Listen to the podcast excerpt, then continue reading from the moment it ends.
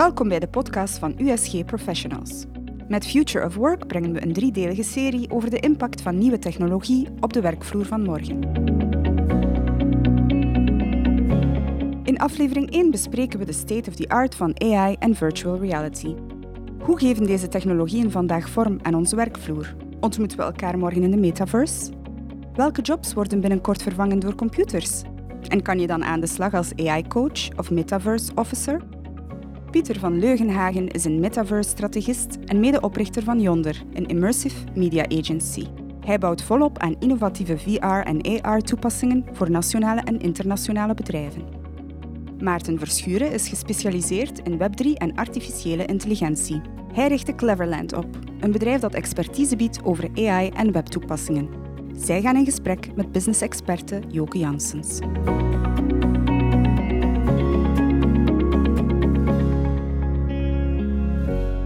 Goedemiddag, heren. Goedemiddag. Goedemiddag. Welkom. Fijn om jullie hier uh, rond onze tafel te hebben. Ja, fijn dat we er mogen bij zijn. In deze aflevering gaan we het voornamelijk hebben over AI en metaverse. Wat het uh, al betekent in ons leven en wat het nog gaat betekenen. Maar ook specifiek wat het voor het bedrijfsleven en de arbeidsmarkt uh, gaat betekenen. Nu, Maarten, dus ik ga met jou starten als AI-expert. Wat is AI? Wat is het? Wat betekent het? Wat moeten we ons bij voorstellen? Ja, dus AI op een eenvoudige manier te proberen uit te leggen, kan je zien als een computerbrein dat gebouwd is als een kopie van een menselijk brein. En dat kan getraind worden om patronen te herkennen door het te voeden met een groot volume aan data. En die data kan beelden zijn of geluiden of andere data, transactionele data. En dus het is een systeem dat gemaakt is om patroonherkenning te gaan doen. En het kan dus gebruikt worden ja, in toepassingen waarin patronen herkend worden, uiteraard. En die technologie staat al op punt. AI bestaat eigenlijk al heel lang. Het bestaat al verschillende jaren. Kan je inderdaad concrete voorbeelden geven hoe het vandaag in ons leven al aanwezig is? Voilà. Ik denk dat de AI de voorbije twintig jaar grote stappen vooruit heeft gezet en een eerste hypefase doorgeraakt is en maturiteit gekregen heeft voor het herkennen van dingen. Dus als we denken aan bijvoorbeeld gezichtsherkenning, als wij onze telefoon gaan unlocken met ons gezicht, dan is dat AI die ons patroon van ons gezicht herkent en zo de telefoon ontsluit. Een andere toepassing zijn, zijn machines, slimme camera's die gaan kijken van waar staat een object dat ik moet opnemen, daar staat het, ik kan het vastnemen en ik kan het ergens anders gaan neerplaatsen. Dus voor automatisatie in fabrieken is het ja, standaard. En dan heb je ook naast computervisie heb je ook NLP, en dat is AI die patronen herkent in tekst. En die kan ja, documenten lezen, bijvoorbeeld. Een boekhouder, als die de facturen krijgt, dan krijgt hij vandaag het liefst zijn facturen van zijn klanten in digitale vorm, omdat die gewoon in AI-systemen kan gevoed worden. En de AI kan daaruit ja, de factuurnummers, de gegevens enzovoort gaan herkennen. Maar het kan ook verder gaan. Hè. Als je denkt aan binnen HR, een cv bijvoorbeeld, kan perfect gelezen worden door AI. Kan perfect erkend worden van wie is de persoon, wat zijn de persoonsgegevens, wat zijn de studies die gebeurd zijn, wat zijn de vaardigheden die worden teruggevonden in deze cv. Dus dat is puur AI die al jarenlang op punt staat, die in staat is om patronen te herkennen en die eigenlijk ook al gebruikt wordt in tal van software. Als we gewoon denken aan Spotify. Spotify herkent in de data van oké, het patroon van jouw luistergedrag. Naar welke liedjes luister je graag? Om zo te gaan aanbevelingen te gaan maken van oké, dit zijn nu de liedjes die binnen jouw patroon passen. Hè. Dat, het gaat rond Spotify, Netflix is waar kijk je graag naar? Wat heb je dan nog? Waze gaat, hoe, hoe rij je graag? Welke straten gebruik je graag? En hoe gebruiken andere mensen de straten om ergens naartoe te geraken? Cambridge Analytica gebruikt het om te kijken van wat is jouw stemgedrag en hoe kunnen we dat gaan manipuleren. Je kan daar redelijk ver in gaan, tot bijvoorbeeld ja, wie gaan we aanwerven voor een bepaalde job. AI is perfect in staat om te gaan herkennen, om te gaan klassificeren. Zit er een patroon in aanwerfgedrag? Dus als je dan een cv binnenkrijgt, kan AI gaan klassificeren van ah, dit is een persoon die waarschijnlijk wordt, zal worden aangeworven of niet en zo die taak ook al overnemen. Heel boeiend. Ik hoor al een aantal aspecten die later in deze aflevering of in een volgende aflevering zeker ook nog aan bod gaan komen. Pieter, over naar jou, okay. onze metaverse-expert. Wat is de metaverse? Een heel duur woord. Een woord dat we de voorbije 18 maanden massaal hebben zien passeren. Wat soms volgens mij iets te moeilijk gemaakt wordt dan het in principe is. Dus aan jou om het helder te ja, Om het heel kort door de bocht te stellen, gaat het in principe over de, de, hoe we de volgende iteratie van ons internet gaan ervaren in een meer driedimensionele context. En uiteraard komen daar heel wat andere technologieën bij kijken die vandaag de dag ook al bij het internet komen kijken of bij platte 2D-websites. Zoals IoT, zoals AI, zoals cloud, zoals 5G, zoals VR en AR wordt daar uiteraard ook bij betrokken. Maar het gaat er in principe over hoe dat we ons internet in de toekomst gaan beleven. In een meer driedimensionele context. Het zij in virtuele werelden waar we in kunnen gaan vertegenwoordigd door een avatar. Maar dat kunnen evengoed de 3D-lagen over de realiteit zijn die we augmented reality gewijs gaan ervaren. Misschien moeten we termen VR en AR meteen er even Ja, bij nemen. prima, hè. ja. Bij virtual reality gaat het eigenlijk via een bril, voornamelijk via een headset. Zo'n hele clumsy duikbril precies vandaag de dag, die nog heel veel ergonomischer moet en zal worden. Dan ga je in virtuele werelden stappen, je kijkt rond en je hebt het gevoel dat je effectief op een andere plaats aanwezig bent. En je kan daar ervaringen hebben die je in het echte leven niet kan hebben. Je kan ook echte levenservaringen gaan simuleren. Maar dat zijn meestal 3D-gesimuleerde werelden. Bij augmented reality blijf je in het heden en worden er digitale lagen over de realiteit geplaatst. Ik denk dat een van de bekendere voorbeelden is het Pokémon Go-fenomeen, waarbij mensen door de straten liepen te jagen achter Pokémon-diertjes die eigenlijk 3D in de struiken of naast de kerk zaten. Dus ja, Metaverse kan ook wel aanzien worden als een soort van rebranding van VR en AR. Maar het gaat verder dan dat.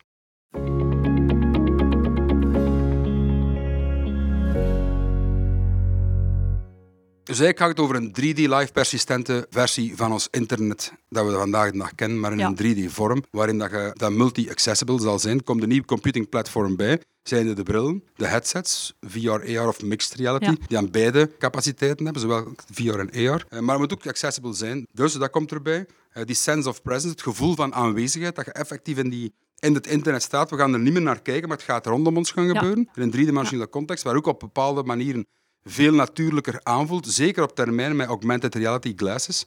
Dus die sense of presence, being part of the experience, in de plaats van er enkel naar te kijken op een plat 2D-scherm met platte 2D-content. Avatar-representatie, zowel in virtuele werelden als in echte wereld, die dan zelfs intergeconnecteerd kunnen zijn. Dat gebeurt vandaag de dag in principe als we kijken naar de nieuwste headsets. Het kunnen kopen van de virtuele goederen en ook zelf eigenaar kunnen worden van die zaken. En dan die kunnen meenemen, die goederen en uw digitale identiteit van wereld naar wereld en u zichzelf als het op dezelfde manier voordoen, laten representeren door een avatar van ene wereld naar een andere wereld, wat we dan die interoperability noemen. Oké, duidelijk. Nog één vraag aan jou, Maarten. Om het helemaal misschien duidelijk te krijgen. Pieter geeft aan, metaverse de laatste jaren in versnelling kunnen komen dankzij de technologie die meer op punt begint te staan. AI is daar zeker een eh, heel belangrijke meerwaarde in. Kan je eens ook toelichten wat de meerwaarde van AI voor metaverse bijvoorbeeld is? Of wat het betekent? Ik kijk zo nog altijd met sommige vraagtekens naar de metaverse ook. Maar ik zie wel de opportuniteiten die AI zeker heeft in die werelden. Dus als ik puur als objectieve consument mijn VR-bril opzet en ik bezoek met veel enthousiasme de metaverse-wereld vandaag, dan gebeurt het heel vaak dat daar geen kat te zien is. Als ik niet naar een specifiek event of een experience ga,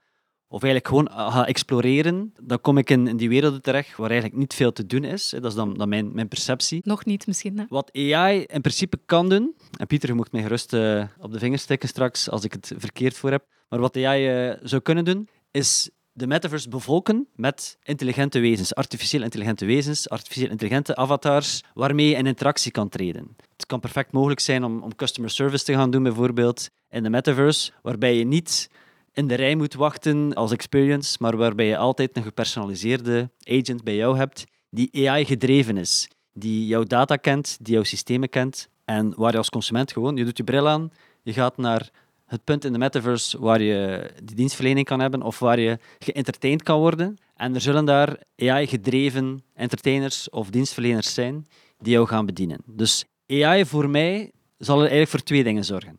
Enerzijds dat je altijd bediend kunt worden op het moment dat jij wil, eh, wanneer je de meta- metaverse betreedt. En ten tweede, iets waar ik nog niet over gesproken heb. De eerste fase van AI was patroonherkenning. De tweede fase is nu generatieve AI. Dus er worden nieuwe organismen gecreëerd door AI, nieuwe teksten, nieuwe patronen gemaakt door AI, wat ervoor zorgt dat ook binnen de metaverse je eigenlijk eh, AI kan gebruiken om creatief te gaan zijn. Bijvoorbeeld, ik ben geen developer. Ik heb geen programmeerskills, maar ik heb wel creativiteit. Ik weet dat bijvoorbeeld Roblox nu bezig is. Roblox is een metaverse-omgeving, een gaming-omgeving, waar je ook creatief kan zijn. Content creators kunnen zeggen van ik ga mijn wereld maken om dingen te gaan beleven. Om dat te doen gaan ze bijvoorbeeld naar Yonder, het bedrijf van Pieter, om te zeggen van kijk, wij willen een experience ontwikkelen waarbij we ja, spelletjes kunnen spelen en kunnen gaan duiken in de oceaan enzovoort. Nu, ik als individu, als content creator, ik heb geen verstand van VR-ontwikkeling, maar ik heb wel creatieve ideeën. Ik denk dan bijvoorbeeld, zou het niet leuk zijn om uh, te kunnen vliegen met een wagen in de metaverse? Nu, ik ga daar niet per se voor naar uh, Pieter gaan in de toekomst,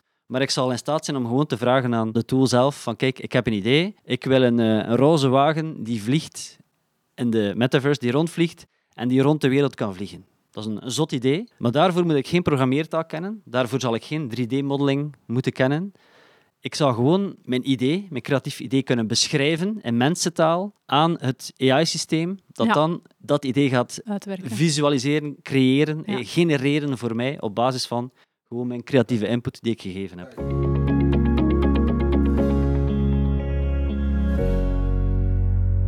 Pieter, je gaf het er straks al aan. Er zijn nog een hoop buzzwords. Ze moeten van mij zeker niet allemaal besproken worden. Maar woorden die we de laatste tijd vaak horen vallen zijn Web3, NFT's, blockchain, digitaal eigendomschap en dergelijke. Binnen de context waar we het vandaag gaan over hebben, welke woorden moeten we misschien nog even definiëren? Ik vind het misschien wel belangrijk om Web3 nog even kort uit te leggen. Omdat dat dikwijls toch over één kam geschoren wordt als metaverse. Waarbij Web3 volgens mij iets meer gaat over die Internet of Ownership. En dan heb je het typisch verhaaltje van Web1 was die information economy, waarbij je naar een website kon gaan, www.usgprofessionals.com, en je kon daar teksten lezen. Dat kon read-only, je kon lezen, maar niet contributen, je kon niks bijdragen. En daar kwam de platform economy, waarbij dat we zeker ook met mobile devices, maar ook gewoon content konden gaan bijdragen aan het internet. Dat is dan Web 2, de tweede iteratie van het internet. Wij als consument werden plots ook het, product. Bedrijven als Facebook, Instagram, Snap, Airbnb, whatever, die zijn allemaal massa's, Spotify zijn massa's rijk geworden op ons als product. Want wij waren, de data die wij gaven aan hen, zijn zij massa's gaan vermarkten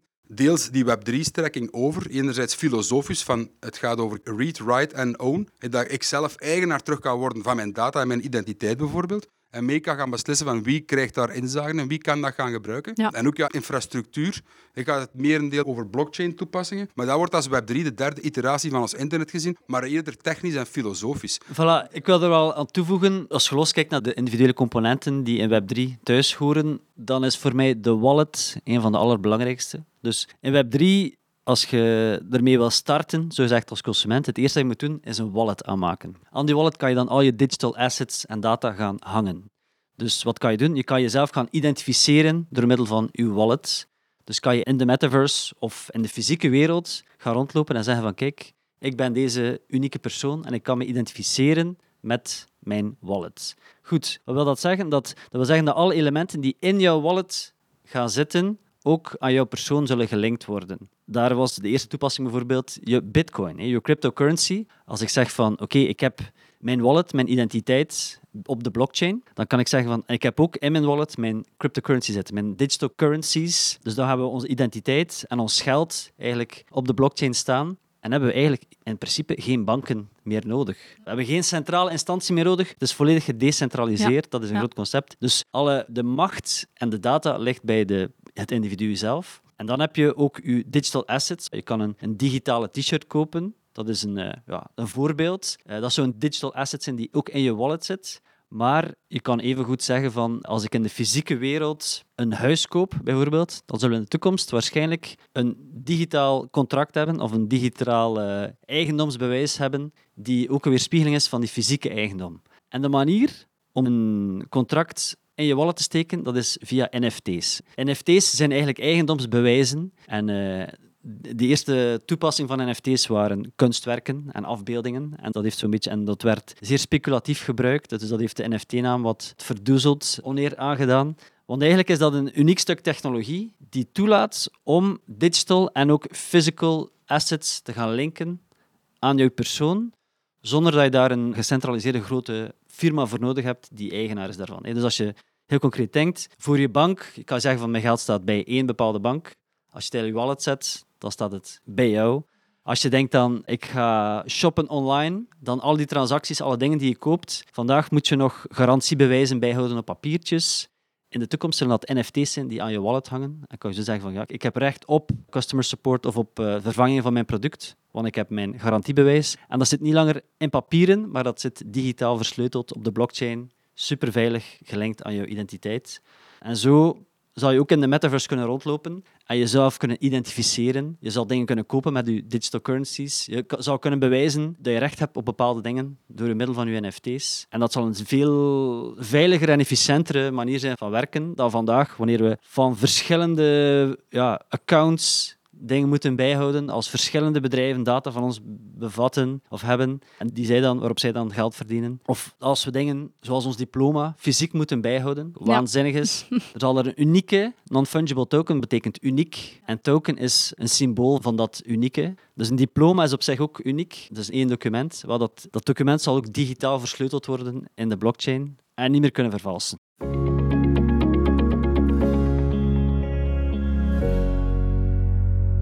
Laat het ons nu concreter maken voor uh, het bedrijfsleven. Want ik weet dat jullie allebei wel believers zijn hè, van AI en metaverse. En ik weet dat we ons ook niet de vraag moeten stellen of er een golf op ons afkomt, maar vooral wanneer komt die op, op ons af. Nu, we hebben al het algemene besproken. Wat betekent metaverse of AI vandaag al in het bedrijfsleven en specifiek ook op de arbeidsmarkt? Wat komt er nog op ons af? Ja, ik gaf een keynote enkele weken geleden aan de studenten Office Management aan de Hogent. En mijn openingsvraag naar hen was hoe zullen we office managers vervangen door AI? Dat was mijn vraag. Dus allemaal graduates office management klaar om een carrière te beginnen. En mijn grote vraag is, en ik meen dat, hoe gaan we jullie overbodig maken? Dus tot er een aula van 300 man. En dat heeft ze wel even doen schrikken, maar dat is eigenlijk de vraag die iedereen moet stellen vandaag. Hè. Dus de technologie staat op punt. De technologie is zeer gemakkelijk te gebruiken. De tools zijn er, de infrastructuur is er. De vraag die we ons moeten stellen is, als we kijken naar onze jobs vandaag, als ik kijk naar mijn job, hoe zal AI mijn job kunnen vervangen? Zowel uw job als uw bedrijf? En door eigenlijk op jobniveau te gaan kijken, door de verschillende functies te bekijken, dan zal het bedrijf ook waarschijnlijk ja, transformeren. Hè? Als je ziet van, eigenlijk kunnen we alle activiteiten van ons bedrijf volledig automatiseren door AI, ja, dan weet je van, oei, dat betekent in theorie dat mijn bedrijf volledig overbodig wordt na die nieuwe digitale transformatie. En dat voelt wat contradictorisch aan. Waarom zou je nadenken over hoe je je eigen bedrijf kan kapotmaken? Maar de realiteit is dat wereldwijd iedereen daarmee bezig is. Nou ja, dus als jij het, als niet je het zelf niet doet, ja. dan doen anderen het. Ja. Dus een hele een heel praktische, interessante manier om eraan te beginnen is, oké, iedereen of stel een werkgroepje samen en denk na van, we beschrijven de job die je doet, de verschillende processen. Als ik denk aan recrutering bijvoorbeeld, is van, oké, we doen een intakegesprek om te beschrijven wie we nodig hebben qua profiel. Schrijven dat uit. We gaan dan op zoek naar onze cv's in de database. We bellen die mensen op. We hebben het gesprek, de evaluatie enzovoort. Wat denk eens na in elk van die stappen. Hoe kan AI of Map3 of de Metaverse daarin assisteren? Of eigenlijk die taak volledig op zich Overnemen. nemen? Ja. En dan ga je er natuurlijk weerstand hebben van, ja, maar het menselijke dit, en ik heb eigenlijk wel een unieke aanpak, akkoord. Maar stel nu dat we, dit, dat we dat even parkeren. En stel dat je ervan uitgaat van, ik kan geautomatiseerd worden. Probeer het dan eens te doen en zien hoe ver je geraakt. En door die oefening te doen, ga je plots herkennen van, hey, dit is wel interessant, want ik kan plots veel efficiënter werken. Dus mijn productiviteit zal stijgen in mijn huidige job. En misschien kan je wel zien van, ja, wat we vandaag doen met zes, kunnen we morgen misschien doen met één persoon. Ja. En opnieuw, dat klinkt wat beangstigend, maar laten we eerlijk zijn, dat is de realiteit. Als ik, ik had onlangs een, ik deed een, een brouwerijbezoek en dat was de bottelarij en dat was een enorme hal met, ja, waar honderden bakken bier gebotteld werden. Dat was heel indrukwekkend om te zien. En het hele rare was dat daar geen kat rondliep. En toen zeiden ze, ja, ja, dat was vroeger ja, een band en we stonden hier allemaal bakken bier te vullen. Nu kunnen we honderd keer de capaciteit doen en er zijn nog twee mensen in deze hal actief. Dus automatisatie binnen de fysieke fabrieken, dat vinden we normaal. Dat een, eh, een fabriekshal waar vroeger duizend man werkte, dat daar nu nog twee man werkt, daar kijken we helemaal niet van op. De realiteit is, als we nu vijf jaar, tien jaar vooruit kijken, als we vandaag kijken naar een bureauruimte waar we 100, 200 mensen zien aan een bureau zitten, die 100, 200 mensen zullen binnen 5 à 10 jaar vervangen zijn door AI. En er zullen er nog vijf mensen blijven zitten die de taak doen die ze vandaag met 200 doen. Welke beroepen hebben voor jou vandaag een red flag waarvan je zegt, gaan eruit, geen twijfel mogelijk? Ja, laat eerlijk zijn, er zijn heel veel beroepen die vroeger bestonden, die vandaag niet meer bestaan. En ik denk dan bijvoorbeeld aan de hoefsmid. Ja, die, die vind je vandaag veel minder goed. Daar, daar zijn er veel minder van. De hoefsmid van vandaag, die morgen zal verdwijnen, dat is iedereen die puur werkt rond informatieuitwisseling en communicatieuitwisseling. Dus alles dat met informatie en communicatie te maken heeft, administratie, zijn jobs die honderdduizend keer efficiënter kunnen gemaakt worden door het gebruik van die nieuwe technologieën. Dat wil niet zeggen dat die mensen geen andere job meer kunnen doen, want er gaan gloednieuwe jobs ontstaan die vandaag nog niet bestaan. Heb je daar al ideeën over? Geertruid de Ketelaar heeft daar een boek over geschreven. Dat gaat over de opkomst van de AI-vertaler, waar we vandaag AI een kwestie is van developers en computerwetenschappers die gesofisticeerde softwareprogramma's schrijven. Ja, in de toekomst wordt dat, die hebben die, eigenlijk die taak volbracht. Je hoeft helemaal geen techneut te zijn om met technologie om te gaan.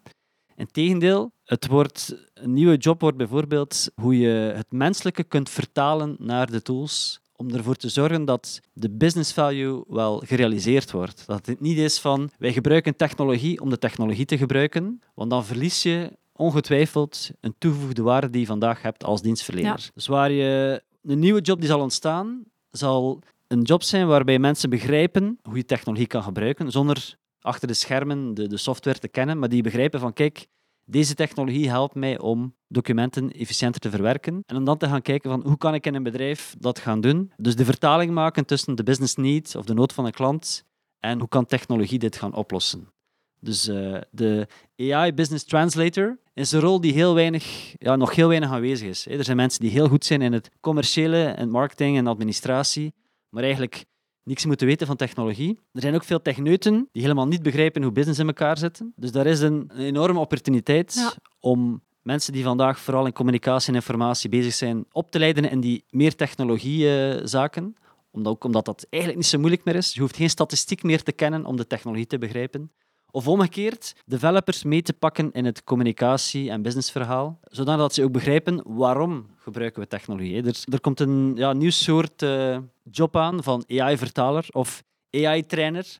Als er digitale assistenten zijn binnen customer service, ja, je kan die computers niet alleen laten. Er zal er altijd nog een menselijke coach nodig zijn om die AI bij te trainen. Maar om dat te kunnen, heb je ook nieuwe vaardigheden nodig om dat te doen. Dus de mens wordt de coach van de AI-assistant die het, het vuile werk doet of het harde werk doet.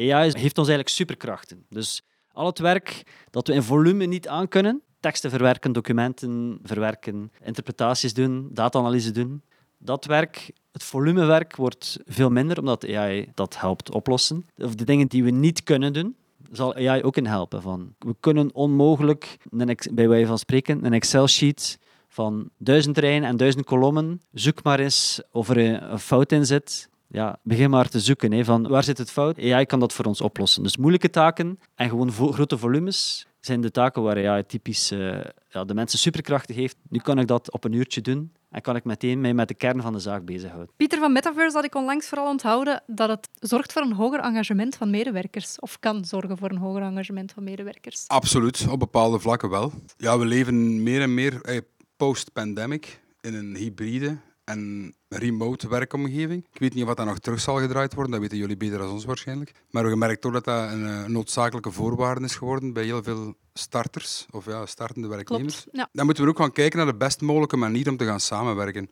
En vandaag de dag denk ik dat iedereen dat wel kan beamen dat we soms tegen de limieten van Teams of Zoom botsen. Zeker in groepsgesprekken. Eén op één, één op twee, één op drie werkt dat op zich goed.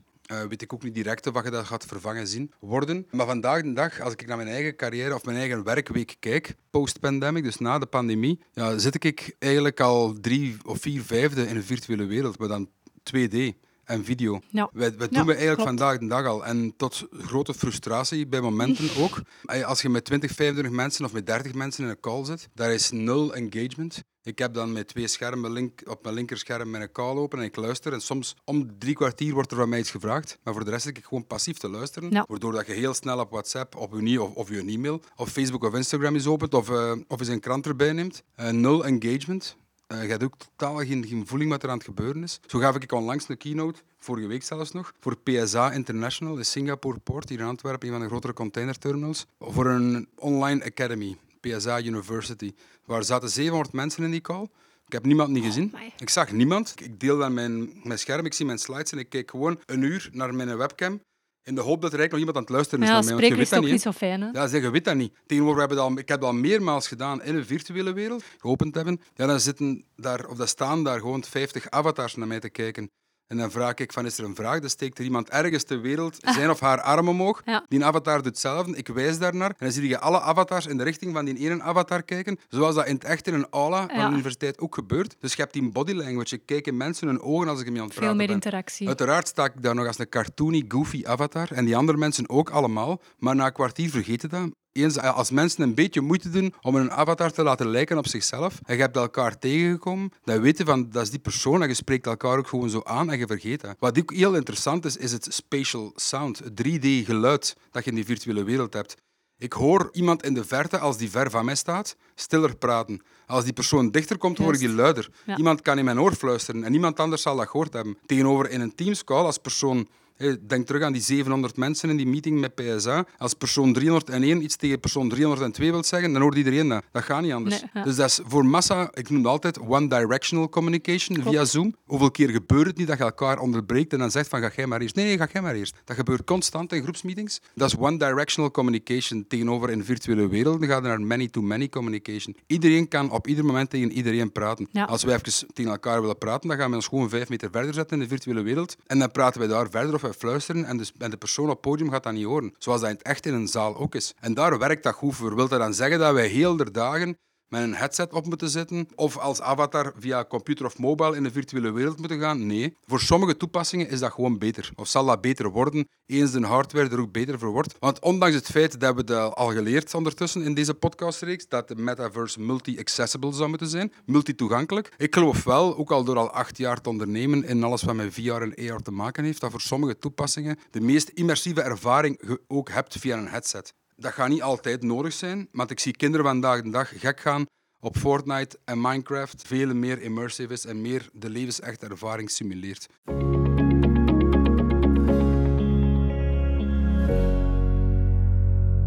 Naar impact van metaverse op bedrijven. Kijk wat een impact van mobile was op bedrijven. En gigantisch. Hoeveel bedrijven dat er uiteindelijk out of business gegaan zijn, die gezegd hebben van ja, mobile, internet, e-commerce en dergelijke, dat is niet voor ons, we doen daar niet aan mee. Of te Ja. laat in gang geschoten zijn en totaal niet meer concurrentieel zijn, of opgegeten zijn door een variant die volledig op mobile ging. Kijk Ja. maar hoe wat dat Facebook in een versnelling heeft gebracht in het mobile tijdperk. Dat gaan we de komende 10 à 15 jaar ook zien met de driedimensionalisering van ons internet, wat metaverse in principe is. Ja. Tot slot, jullie beide advies naar bedrijven is: begin al maar eens te experimenteren om je toch voor te bereiden. Kunnen jullie nog een laatste concrete tip meegeven hoe dat bedrijven kunnen experimenteren of wat ze kunnen doen?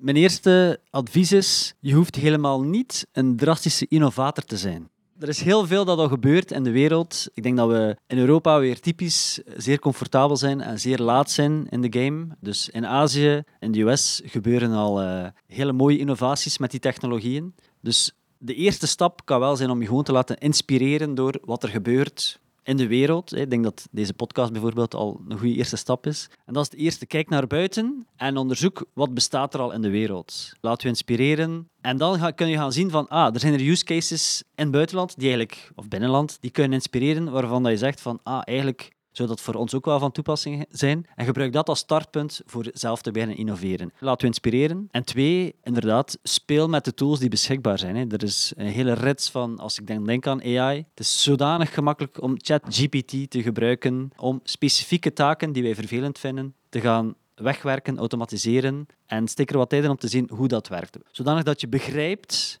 hoe de technologie werkt. En eigenlijk zal je zien dat je heel snel, maar echt heel snel, op korte tijd, een toepassing zal vinden waarvan je denkt van, ah, maar die kunnen we echt gaan gebruiken. En zal de business value die daaruit vloeit, heel snel eh, de tijd die erin investeert, terugbetaald krijgen. Dus, eh, Oké, duidelijk. Pieter, jouw laatste tip. Ik kan me er alleen maar bij aansluiten. Wij doen zelf, eh, met Jonder hebben enerzijds onze productiekant waarbij wij bouwen en anderzijds ook onze academy kant waarbij wij cons- consultancy doen. Een van die producten dat we dan verkopen is Inspiration and Ideation, waarbij wij bij bedrijven langsgaan die op offsite zijn of die een teamdag organiseren en waarbij dat we eerst een inspirationele keynote doen en daarna die mensen eens effectief aan de slag laten gaan. Want denk nu eens na, op anderhalf uur is dat, en dan moeten ze elk hun idee komen pitchen, van denk eens na hoe dat, dat dit gegeven impact gaat hebben op je business. Bij andere bedrijven gaan wij veel dieper in workshops omdat die verder willen gaan. Maar dan, mijn advies is ook altijd, zoals Maarten zegt, start met experimentatie. En je moet daarom niet onder 80 graden pivoteren zoals Facebook Meta werd. Hè.